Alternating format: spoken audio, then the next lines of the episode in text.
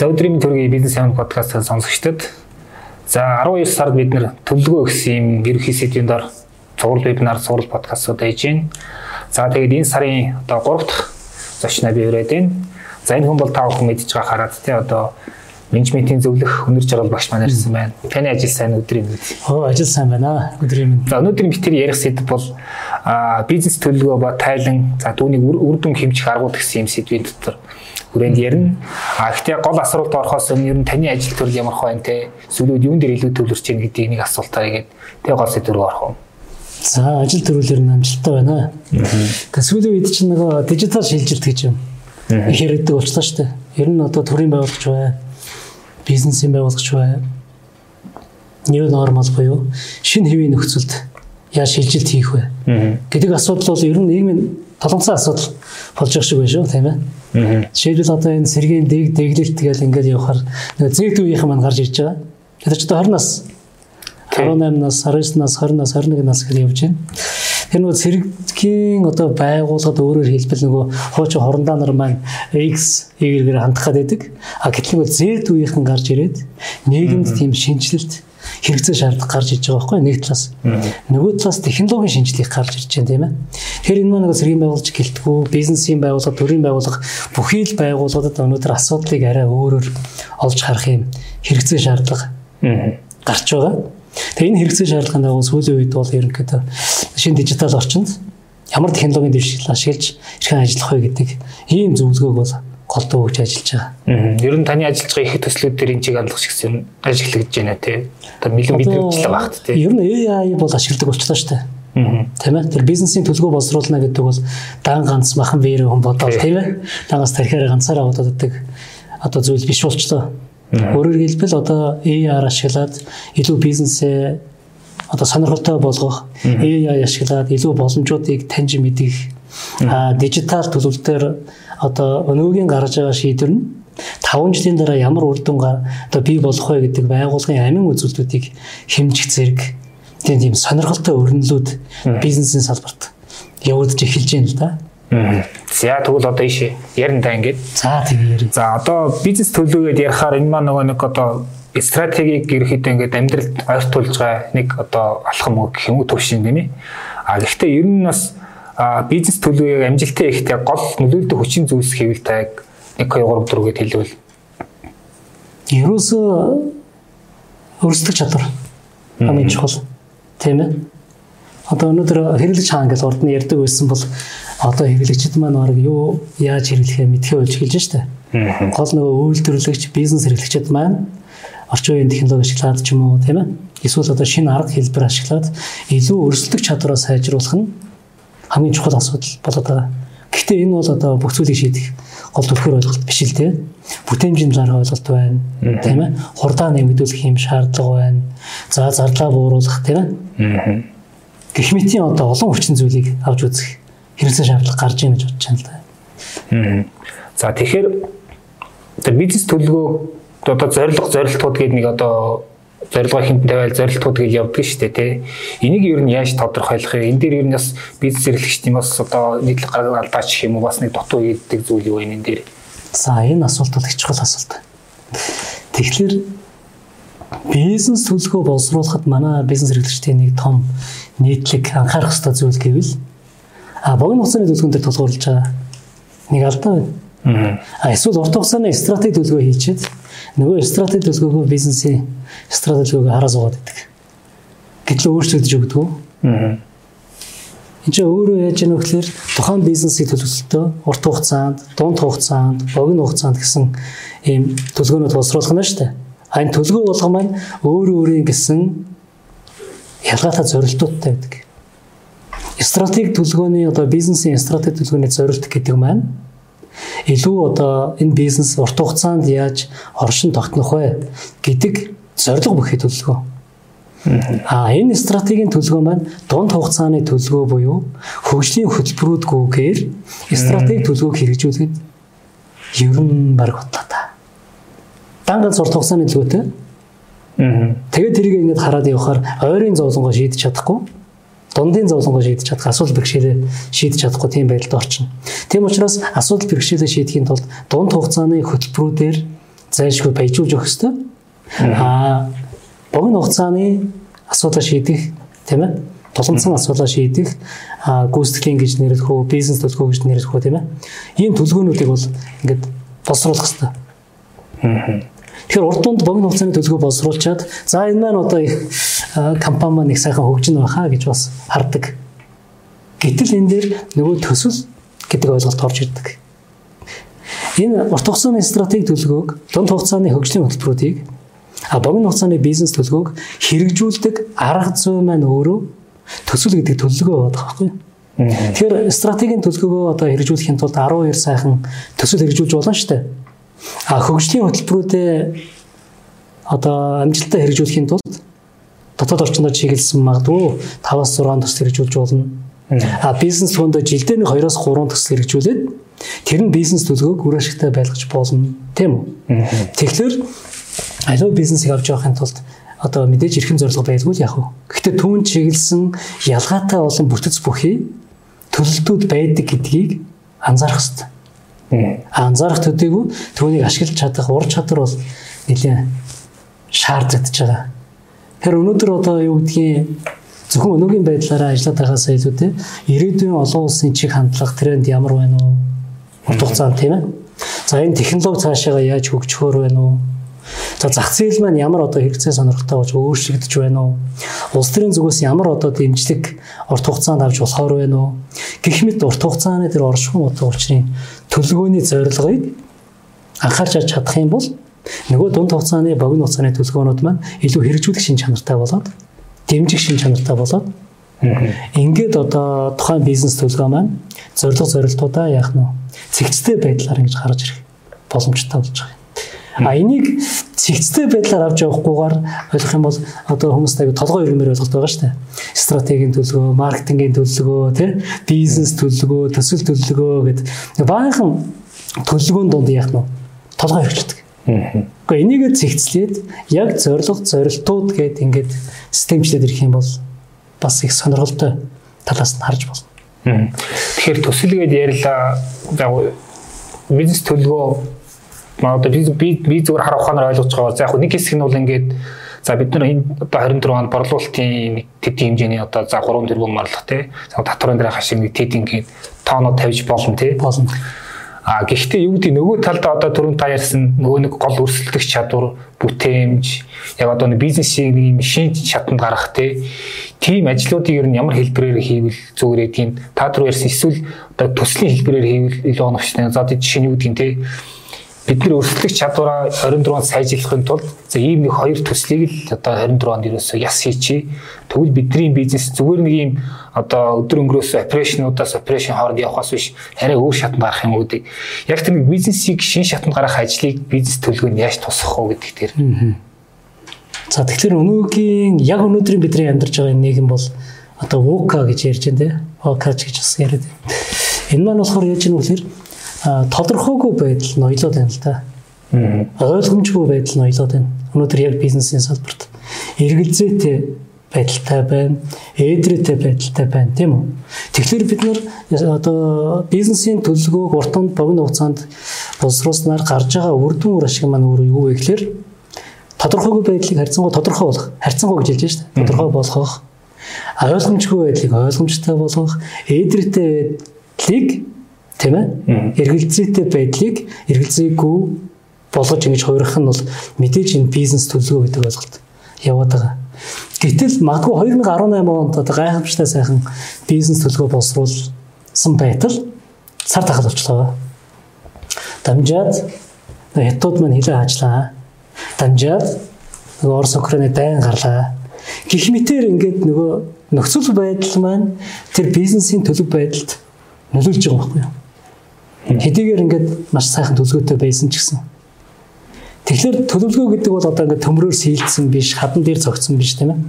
Энэ бол маш динамик байх хэвээр. Өөрчлөлтөнд маш сайн зогцож чаддаг.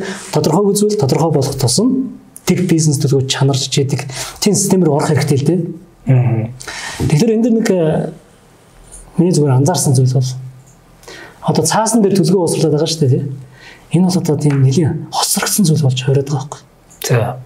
Яаж бизнесийг дижитал байдлаар төлөвлөх вэ гэдэг бол яг толгомцсон асуудал болж байна. Аа өнөөдрийн бизнес эрхлэгчийн өнөөдрийн тухайн одоо бизнес эрхлэгчийн гарч байгаа шийдвэр 60 сарын дараа 120 сарын дараа 180 сарын дараа миний бизнест ямар үр дүн өр нөлөө үзүүлэх вэ гэдгийг дижитал платформ дээр буулгаад а орчны өөрчлөлтийг түүнд болж өгөх сар болгон болж өгөх улирал болгон яг нь нефтийн үн одоо хэд болж байна уу? Тийм ээ за татвар маань ямар зохицуулт хийгдэж байна уу? За бараа бүтээгдэхүүний инфляц тийм ээ гэх мэт одоо ийм тухайн бизнестэйгээ холбоотой өгөгдлүүдийг оруулдаг тэр өнөөдрийн татврын өөрчлөлт өнөөдрийн одоо инфляц миний бизнест ямар нөлөө үзүүлж байна вэ гэдгийг үнэж дүгнж чаддаг. Тэр нь одоо үнэж дүгнэ гээл хэдэн сар олон хүмүүс ажиллаад байх биш. Тэр өөрөө бизнесийн динамик платформоо байгуулчихсан. А тэрэнд мэдээлэл оруулахад бизнесийн нөлөөллийг харж ирдэг. А тэр нөлөөлөлд өөрийн үзүүлэх яах нь одоо KPI гэж байгаа чухал үзүүлэлтүүдийн шийдвэрүүдийг оруулахад тэр шийдвэр зөв буруу юу гэдгийг ерөөсө 3 секундэд харж чаддаг. Тийм ээ. Аа. Ийм төлөвлөлт бол яг өнөөдрийн цаг үеийн хэрэгцээ болчиход байгаа байхгүй юу? Тэгэхээр таны асуултанд бол одоо ингэ төлөвлөгөөг одоо байнга шинжилж явах хэрэгтэй юм уу? Өөрчлөж явах хэрэгтэй юм уу гэж байна. Өөрчлөх хэрэгтэй, шинжилгэх хэрэгтэй. Тэгэхгүй бизнес төлөвлөгөө гэж хийчээд орчин өөрчлөлтүүд байдаг. Нөгөө төлөвлөгөөгөө бариад нөгөөдгөө хараад ингээд тийш тийш харахгүй тий. Тий. Тэгсэн чинь 6 сарын дараа нөхцөл байдал одоо нэлээд ордсон. Яасан бэ гэсэн чинь өө балаа төлөвлөгөөнөөс уртлаа гэж. Бараа төлөвлөгөөгөөсөн дээр гэж байна. А гэтэл тэр төлөвлөгөө гэдэг ойлголт маань өнөөдөр маш өөр ойлголт болж байна дээ тийм ээ. Дижитал байдлаар хэлхээс илүү бараг дасан зохицох тий адаптац хийж дасан зохицдог динамик аа тийм одоо төлөвлөгөөг л усруулах хэрэгтэй. Тэгэхээр энэ бол нэг тийм хол ойлголт биш л дээ. Одоо яаж яах вэ маш олон төлөлтийн платформуд байна тийм ээ. Тийм шаардлагатай бол зөвлөгөө авч болно шүү дээ. Яаж байгууллагада би бизнес процесс үйл ажиллагаагаа динамик яах нь санхүүгийн модель болгож хувирах вэ? гэдэг юм уу? Одоо ингээд компани өдөрцөн үлгээд хорлдог тийм үү? Тийм. Шийдвэр гаргадаг штэ. Тэгээд тэр бизнесийг нэлээд олон жил хийсэн нөхөр нь давмгаалж яриад эсвэл хөрөнгө оруулж байгаа тал нь талмгаалж яриад тэгэл гар өргөхөө хэрэг дээр өргөн. Тэр бол харанхуй өргөдөг байхгүй юу? Одоо энэ тэрүүн имчилүүлэлтийн газрууд байна, компаниуд байна, өдөрцөн үйл нь гараа өргөдөг. Одоо энэ ерөөсөө болохгүй байна. Яг гэвэл тэр гар өргөлт гэдэг нь маань магадгүй компаниг хэдэн зуун сая хэдэн тэрбум төгрөгийн алдагдал болж байна. Тэгэхээр ямар шийдвэр гаргаж байгаа бэ гэдгийг тэр бизнес модельтэй дижитал төлөвлөлтөн дээр 60 120 сар дараах үр дүнг хараад энэ шийдвэр бол зөв юм а гэдгийг яах нь мэдчихэж гар өргөж шийдвэр гаргалтанд оролцох. Ийм шаардлага гарч байгаа. Нэгдүгээр а хоёрдугаарт бол аа ганцаараа тийм ээ гэр бүлийн бизнес хийж байгаа ч юм уу нэг зөвлөлдөх хүн байхгүй тийм шинэ бизнесийг яавал дээр вэ одоо би ямар шийдвэр гаргах вэ?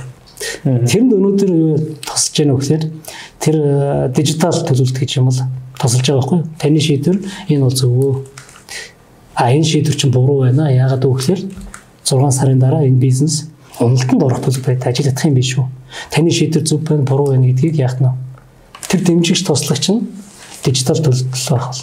Тэр энэ нөгөө тантай дөрөв ярьсан чат GPT ч юм уу те. AI та AR тантер те. А metaverse digital TV ингээд орчин үеийн ойлголтуудаа уялдуулж чадах юм бол за ер нь бол насчилт бизнесийн насчилт бол амьдралын хүчлэг бол нэлээд урт болно да ер нь. Тэгэхээр энэ дээр бас нэг зүйл холбогдуулж асуумаар байна юу гэхээр одоо бүтээмжийг зөвхөн одоо хүн дангаараа бий болохоо байчих одоо техник технологитой хамжиж одоо хоршиж тий. Тэгэхээр нөгөө нэг хүн технологи хоёр яаж хамтарч ажиллах вэ гэдэг чинь бас нэг юм тусгай асуудал тусгай ур чадвар шаардсан ажил болчиход байна. Тэгэхээр энэ дээр та ер нь бас одоо зөвлөх хүний юу ажиглуулъя за хүн технологиор ингэж ажиллавал одоо юу гэдгийг бүтээмжийг ингэж сайжруулах болох юм байна гэдэг ч юм уу. Тэр талаас нь ямар ажиглалт хийсэн бэ? За зөвхөн өөрийн шин дээр ярьж байсан тийм. Тийм ба. За ерөнхийдөө бол зөвлөхийн ажил гэдэг чинь бас тодорхой бизнес платформ л да бизнес модель энэ бол тий. Тий. Тэр зөвлөнө гэж. А гэтэл зөвлөх ажил дээр одоо нэг хүн бодоол сэтгэл нэг яриад яг бас одоо бас модноос гарч штэ. Тэр яаж технологи ашиглах үед чих чухал болж байгаа байхгүй? Сүүлийн одоо аподыг яаж ашиглах вэ? Ажлын хэмжилтэнд яаж ашиглах вэ? Тийм ээ? Аа зөвлөх ажил жишээлбэл одоо ном бүтээлээ гэхэд тэр ном одоо уншдаг үе бол ер нь нэлээ ард хоцрох маягийн болчихж байгаа юм.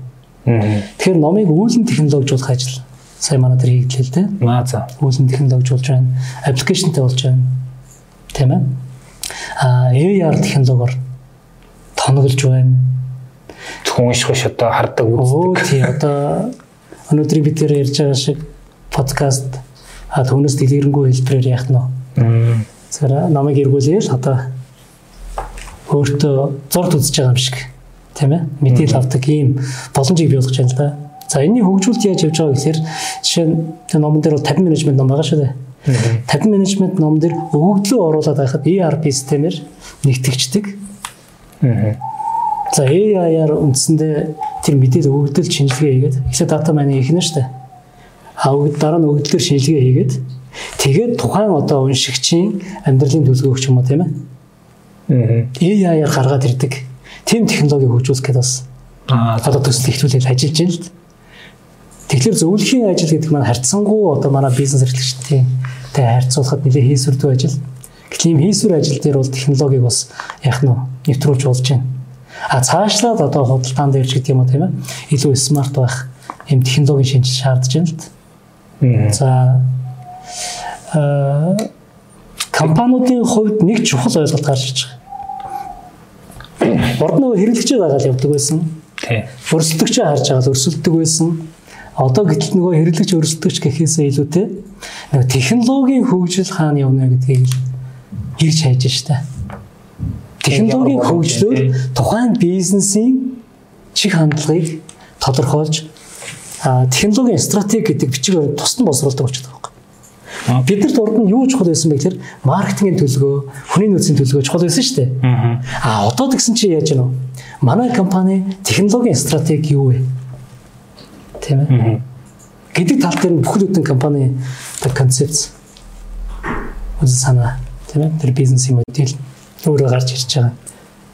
Тийм чиг хандлагаас байгаад. Тэгэхээр бизнес төлөвөө стратеги төлөв гаргахад одоо нөгөө нэг план тэнгис цэнхэр тэнгис гэл нэг ойлголт байгаад байдаг шүү дээ.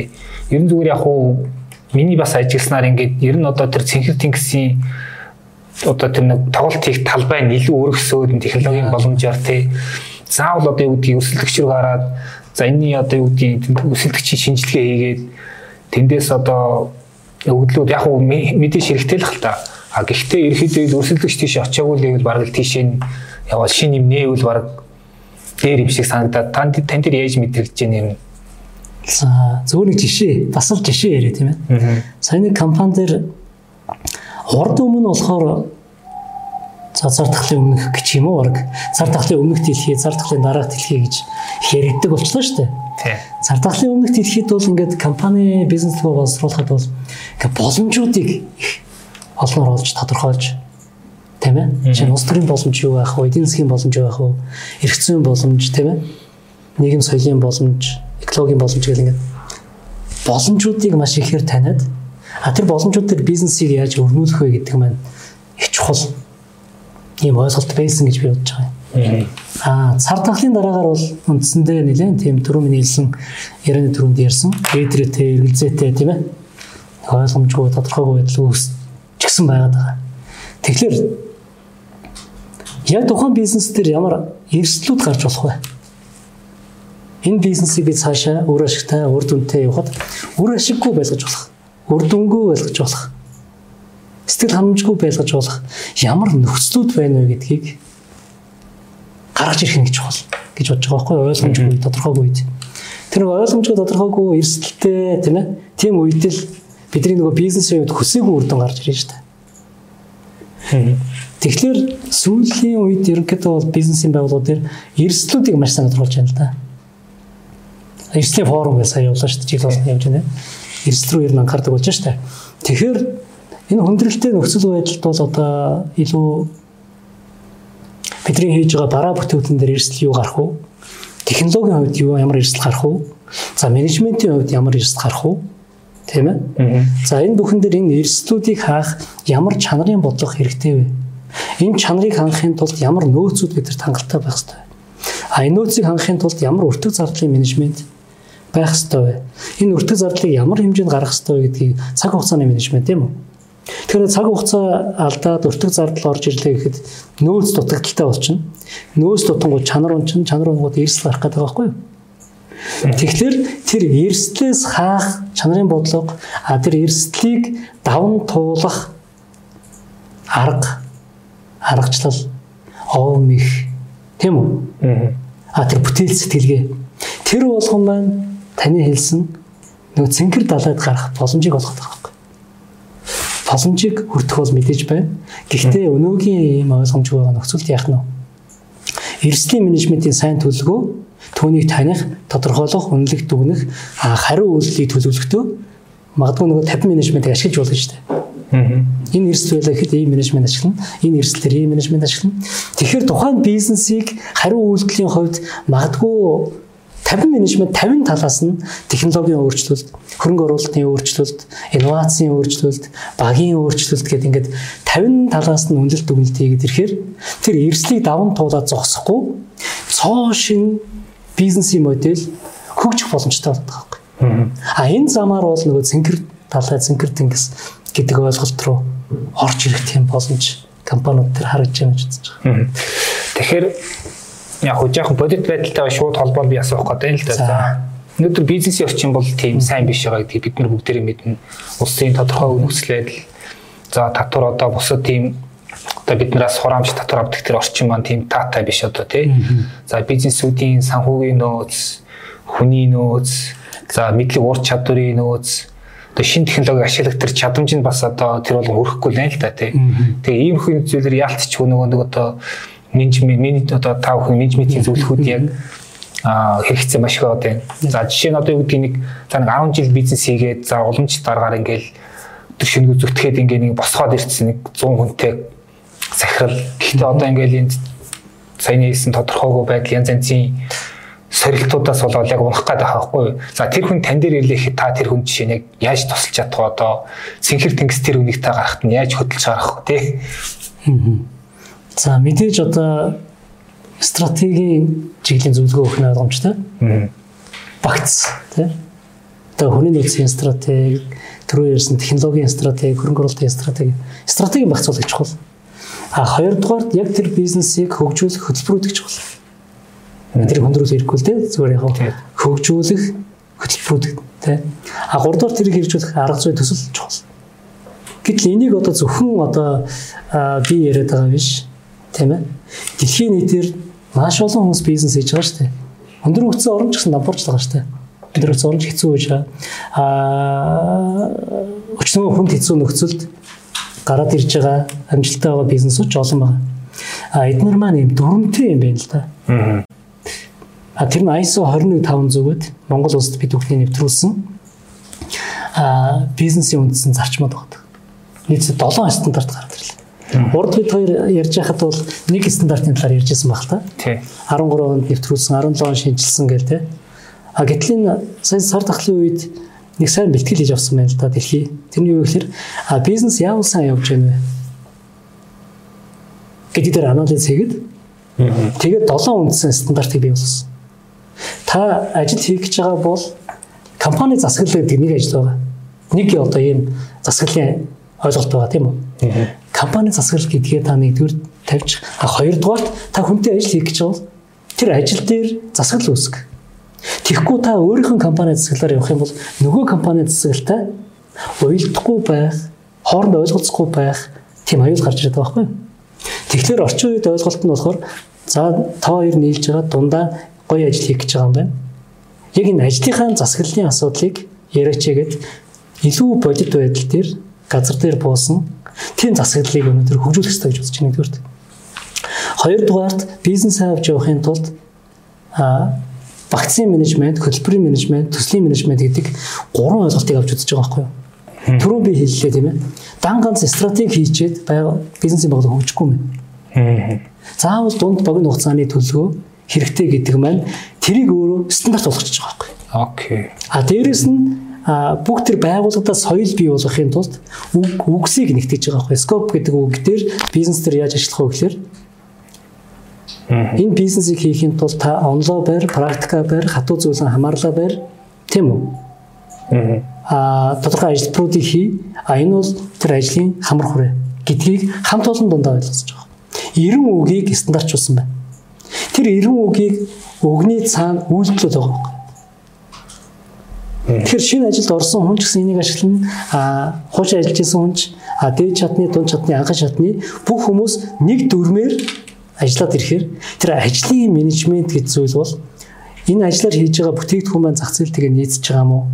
Технологийн хувьд шинжил авчирч байгаа мó? Менежментийн хувьд яг олон улсын туршлага ашиглаж байгаа мó гэдэг маш олон ойлголтуудыг нэгтгэхэд ISO 20500-ийн багц стандарт болгоцсон байна. Тэгэхээр энэ бизнес дээр бол үндсэндээ яаж яах вэ гэхээр а ажлын тэм нэг шинэлэг аргаар нэгдүгээр шинэлэг аргаар хоёрдугаар тэр олон улсад гарч байгаа шин туршлагуудыг ашиглах замаар тэр бизнес их нэг үр дүнтэй. Тийм учраас хүнд зөвлөгөө өгөхдөө би тэгж бодож байгаа гэж зөвлөгөө өгч болохгүй. Та тэгж бодож бол төлөв энэ зөв гэж бас ярьж болохгүй.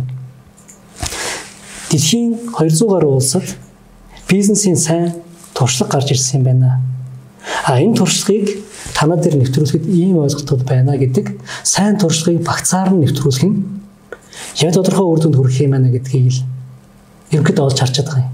А тэрийг л зөвлөх байх юм бол зөв зөв. Тэгэхээр одоо компаниуд янз янзын тайлангийн хуралд дарагдж байгаа, цаасантаа дарагдж байгаа тий.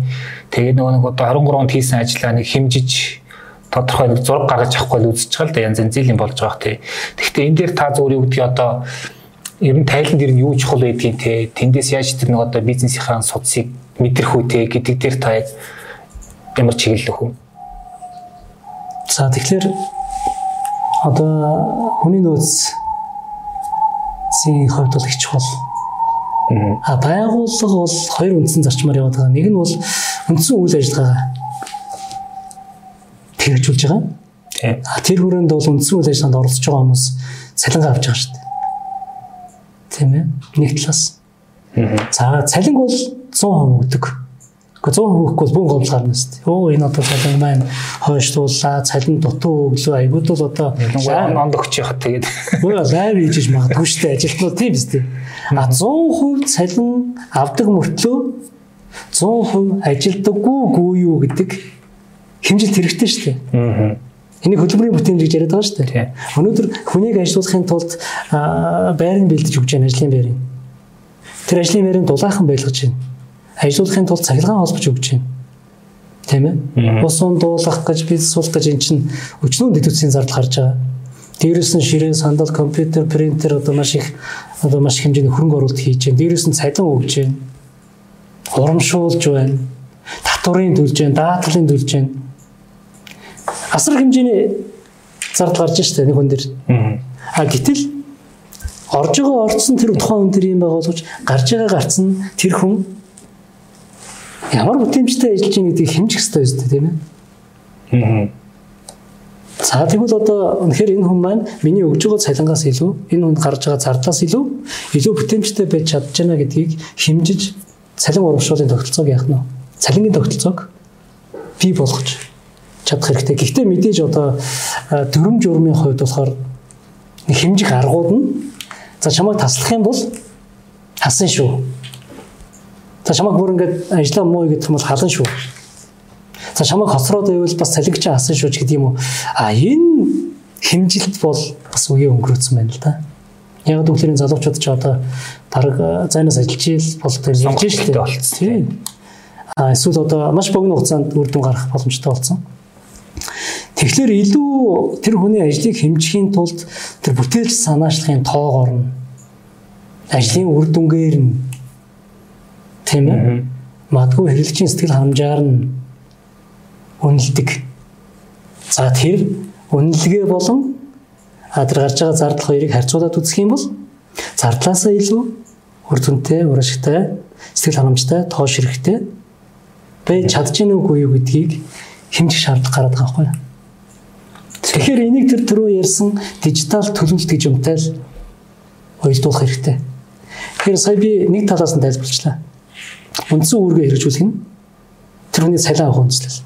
А гэтэл нөгөө бизнесийн үйл ажиллагаа гэдэг маань зөвхөн одоо энийг ийш нь зөвгөөд ингээд тавиад хасаа илүүтэй бизнес бол оршин тогтнох хэрэгтэй. Хөгжих хэрэгтэй. Тэр үүднээсээ бол ингээд стратегийн төлөвлөгөө, үйлчлэгийн хөтөлбөр, бизнес төлөвлөгөө босруулаад аваз. Хүн тэгвэл яагаад ажиллаа хийж байгаа мөртлөө тэр стратеги төлөвлөгөөний хөгжилтөнд хов нэмэртэй байх хэрэгтэй. Энэ урамшууллын бодлого байх хэрэгтэй байхгүй юу? Итгэжүүлэлтийн бодлого байх хэрэгтэй нөгөө нэг хөтөлбөрийн төвшөнд явах хэрэгтэй ажиллаж байна. Тэгэхээр цалин дээр нэмэх нь урамшууллын бодлогыг бас хэмжиж чаддаг байх хэрэгтэй байхгүй юу? Тэгэхээр стратегийн төлөвлөгөө үйл ажиллагааны хөтөлбөр дээр хүний нэр ингээд тавигдсан байгаа шүү дээ. За манай Бат Баяр ч гэдэг юм уу эсвэл одоо юу гэдгийг хариуцагч гээд хүмүүс гараад ирж байгаа тийм үү?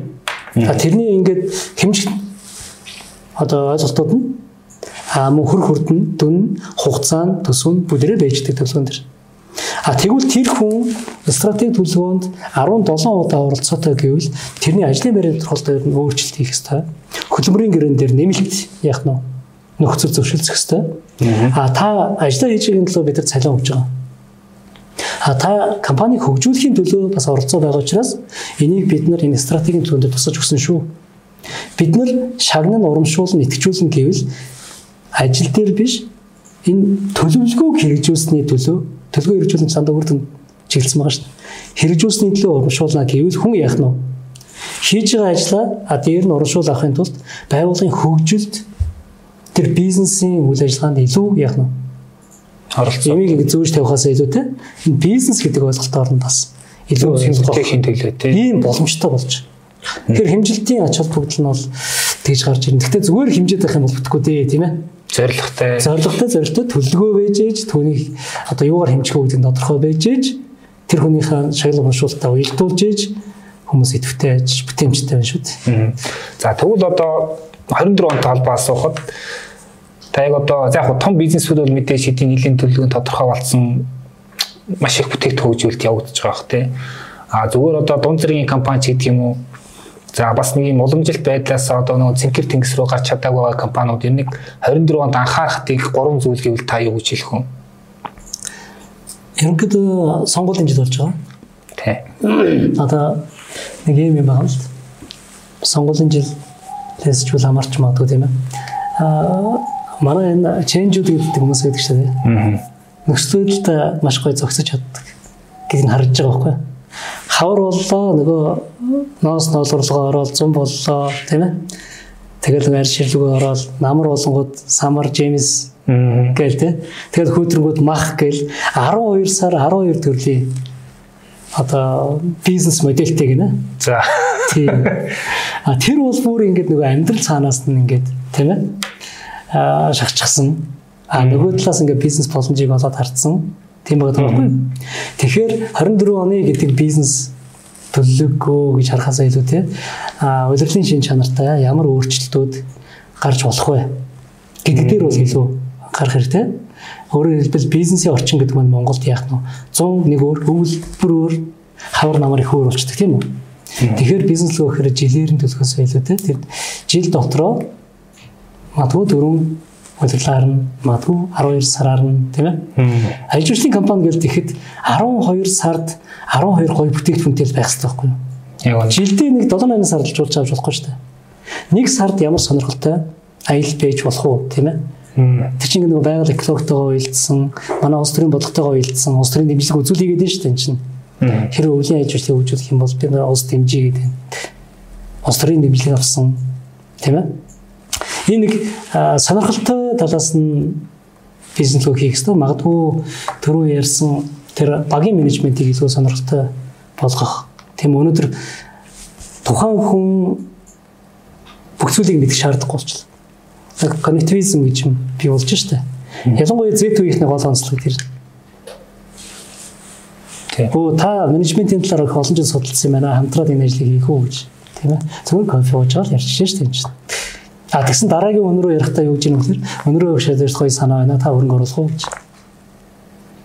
Тийм ээ. Тэгэхээр энэ бол ингээд олон талаас нь буюу тэр тад менежмент гэж байгаад энэ тэр 50 гаруй менежмент талаас нь харж а улирал улирал болгон онцлогт нь тулгуурлаж тийм үү? Бизнесийг илүү сонирхолтой өгөөжтэй талаас нь одоо харж чадах юм бол одоо 24 он бол их сонирхолтой тийм ээ. Яг л сонгуулийн жил учраас маш олон өнгө гарч ирнэ байхад тэмдэ зохицох хэрэгтэй болно бах тийм. А тэгсэн чинь маргааш бол бэлэг гэж ярьдаг тийм. Тэгсэн чинь эрэг сонгуулаар ямар хүмүүс гарч ирэх бол ямар шин шин зорилго зорилтыг төвшүүлэх бол тийм ээ. Тэр чинь 24 онд гарч ирсэн шин хүчин гэдэг бол шин зорилго зорилт төвшүүлнэ баг та. А тэрэн дээр бизнес модель бас уялдуулж улс ийшээ явна гэдэг хаа чинь үгүй би бизнес ийшээ ингэж болохгүй зү. Нийтээр энэ тал руу явж байгаа бол бас нэг тийм бизнесийн төлөвлөгөө процесс те бүх зүйлд нэг тодорхой хэмжээний өөрчлөлт гарах жил гэж ойлгож байгаа шүү дээ ер нь. Тэгэхээр за яг технологийн хүчин зүйлсийг бол угаасаа бизнес төлөв стратегиуд ингээд тусах нь угаасаа зайшгүй болчлоо. Тэр хүн технологийн хосолсон бүтээн хэмжээ гэж биелэх үгээд а нөгөө талаас би нэг зүйл тодруулаад сайн ингээд The Economist гэдэг английн нөгөө нэг алдартай сэтгүүл 24 оны прогнозын дугаараа гаргаж тэ жилдний гаргадаг. Тэрийг уншиж яхад ингээд дэлхийн эрчим хүчний дэд бүтцийн одоо юу гэдгийг ландшафт гэх юм уу том төр систем ингээд шифт болж байна гэл тэгээд сэргийгдэх тал руу улам ингээд том өөрчлөлтүүд явагдаж байна гээд тэгэхээр бас барилгын ассоциац центртээ одоо барилгын үндэсний ассоциац хамтарч ажиллаж байсан тэд нар бол одоо эрчим хүч тэгэл тэнтэй байн холбоотой байдаг тэгэхээр Монголд ч гэсэн одоо эрчим хүч гэдэг нь бизнесийн суурь зардлуудыг нэг бүрдүүлж байгаа байнга яригдах хэвээр асуудал taj. Тэгэхээр юу зүгээр тэр нэг эрчим хүч гэдэг талаасаа бизнесүүд ер нь цаашдаа юунд анхаарах вэ? Үгдгийн одоо бас догоон санхүүжилт энэ төр гээл янз янзын одоо дотоод сонгуул Монголоос хамаарахгүй том хүчин зүйлүүд бас анхаарах хэрэгтэй болчиход байна шүү дээ. Энд дээр та зүгээр ямар зөвлөгөө гэх юм уу? Чиглэл. Ер нь анхаарах зүйл бас юу гэж болох вэ? Ер нь эрчим хүчний хэрэглээ буурахгүй нэмэгдэн дээ. Тийм ээ. Жишээлбэл одоо машин гэж захиргаан машин. Галт хэрэг гэсэн ч одоо захиргаан тийм ээ. А дээрэс нь одоо бид нар чинь гар утасныг сарда өө яс уурдан дуусч байгаа энэ төргээд нэгж. Тийм ээ дата хэрэглээ маань а бүхий л бизнесийн үйл ажиллагаа яалтчгүй л тэр дижитал байдалтай тийм ээ илүү уялдж байна л та. Энэ утгаараа 2030 он гэхэд гэж ярьж байгаа дэлхийд дунджаар шүү дээ. Өнөөгийн бидний дата хэрэглээ яг өнөөдрийн хэрэглээ 40 дахин нэмэгдэнэ гэж тооцоо гарч ирсэн байна. Тэр нөө дата маань ямар хурдан дуустдаг гэдэг асуудал маань 40 дахин илүү дата ашиглана гэсэн үг. Яагаад дата ашиглаад байна вэ гэхээр бидний бизнес, амьдрал, суралцах тийм ээ. Тэр хүнсний иргэдээ бүх зүйл дижитал төл рүү ороод ирэх учраас бид нар маш их дата шатаас нь тэр нийгэм рүү орж ирж штэ. Ерөөсөө л тийм мэдээллийн урсгал болчиход байна шүү дээ. А гэтэл нэг талаас тийм нөгөө талаас бол эрчим хүчний хэрэглээ гэдэг одоо нүүрс хэрэгж байна тийм ээ. Энэ нүүрсний хэрэглээ магадгүй нефт дэлхийд бол маш эрчимтэй ингээд энэ саяны 40 дахин нэмэгдсэн хурдаар явах юм бол 50 жилийн нөөцөл дэлхийд гайгүй хэмнэх юм бол 53 жил гэж. За бүр маш сайн хэмнэх юм бол дэлхийн эрчим хүчний потенциал бол 100-аад жилийн л потенциал байгаа гэж ярьдаг байхгүй юу? Одоо уламжлалт нөөцүүдийг ашиглаад уламжлалт нөөцүүд маань. А тэгэхээр сэргээд хэрчим хүч гэдэг бол маш чухал асуудал болж байна тийм ээ. А энийг бол ухаалгаар ашиглаж байгаа бас. Тийм байл одоо бизнесийн байгууллагууд ч юм уу айл өрхүүд өнөөдөр сенсор ч юм уу эсвэл одоо панел ашиглаа тийм ээ. Тодорхой цахилгааныг аваад а төвийн эрчим хүчиндээ нийлүүлдэг хэрэглээс гарсан илүү гарсан одоо эрчим хүчийг нийлүүлэхэд төлбөр өгдөг биш төлбөр авдаг тийм системд дэлхий орчлоо шүү дээ. Тэгэхээр энэ маань болохоор нөгөө том том одоо цэглэн станц том том сенс гэхээсээ илүүтэй тухайн байгууллагууд нөгөө ногоон хэрэглээтэй а өөрснөө эрчим хүчний хувьд тийм ээ бэгдсэн ийм ирээдүйд биднийг хүлээж байгаа. А ерөнхийдөө бол зардал маш буурж байгаа. Өмнө нь бол одоо энэ сенсор нараар одоо эрчим хүч авч ашиглах тухайн байгууллагуудын хувьд нэлээд алдагдaltaй. Улс орны хувьд гэсэн алдагдaltaй байгаа шүү дээ. Нь татаа зөвж байгаа тийм. А гэтэл сүүлийн хэдхэн жилийн хугацаанд энэ зардал бол 2-3 дахин буурчлаа шүү дээ. Тэр энэ зардлын бууралтыг бол байнга дэмжиж ажиллаж байгаа гэдэг утгаараа 2030 он гэдэг чинь ойрхон тийм ээ хэдхэн жилийн дараа дэлхийн нийтээр бол энэ сэрүүт хэрчим уч бол энгийн хэрэглээ болж хуурах ийм тал руу бол орчихсон явж байгаа гэж тэр ирээдүйг тодорхойлж байгаа 2030 2050 гэсэн олон улсын бас гарын авалгууд дэрвчсэн байлээ. За тэгэхээр энэ дугаараа ингээд багцлаад бой тийм ээ. Цааш яриад ийлэх асуултууд байна. Гэхдээ ингээд энэ үрээд өндөрлөе. Аа энержиал өгч тэр ирэхдээ 23 оноо яаж дүгнэх үү? Цааш 24 онд бизнес төлөв гаргахад ямар юу анхаарах ёстой гэдэг зүйлийг ирэхэд тойрож яхан ярьлаа. За ингээд өндөр жаргал багштай баярлалаа. За яг энэ сэдвээр хийгдсэн вебинар сургалтыг дижитал хараар бизнесмений одоо вебсайтаас бас үзэж болно шүү. Тэн дээр илүү аргачлал талаас нь слайдтай одоо материалтайгаар видео хэлбэрээр үзээрэй гэж хэлэх байна. За ингээд танд баярлалаа. За баярлалаа амжилт хүсье. Баярлалаа. Таны 24 онд амжилт хүсье. За баярлалаа.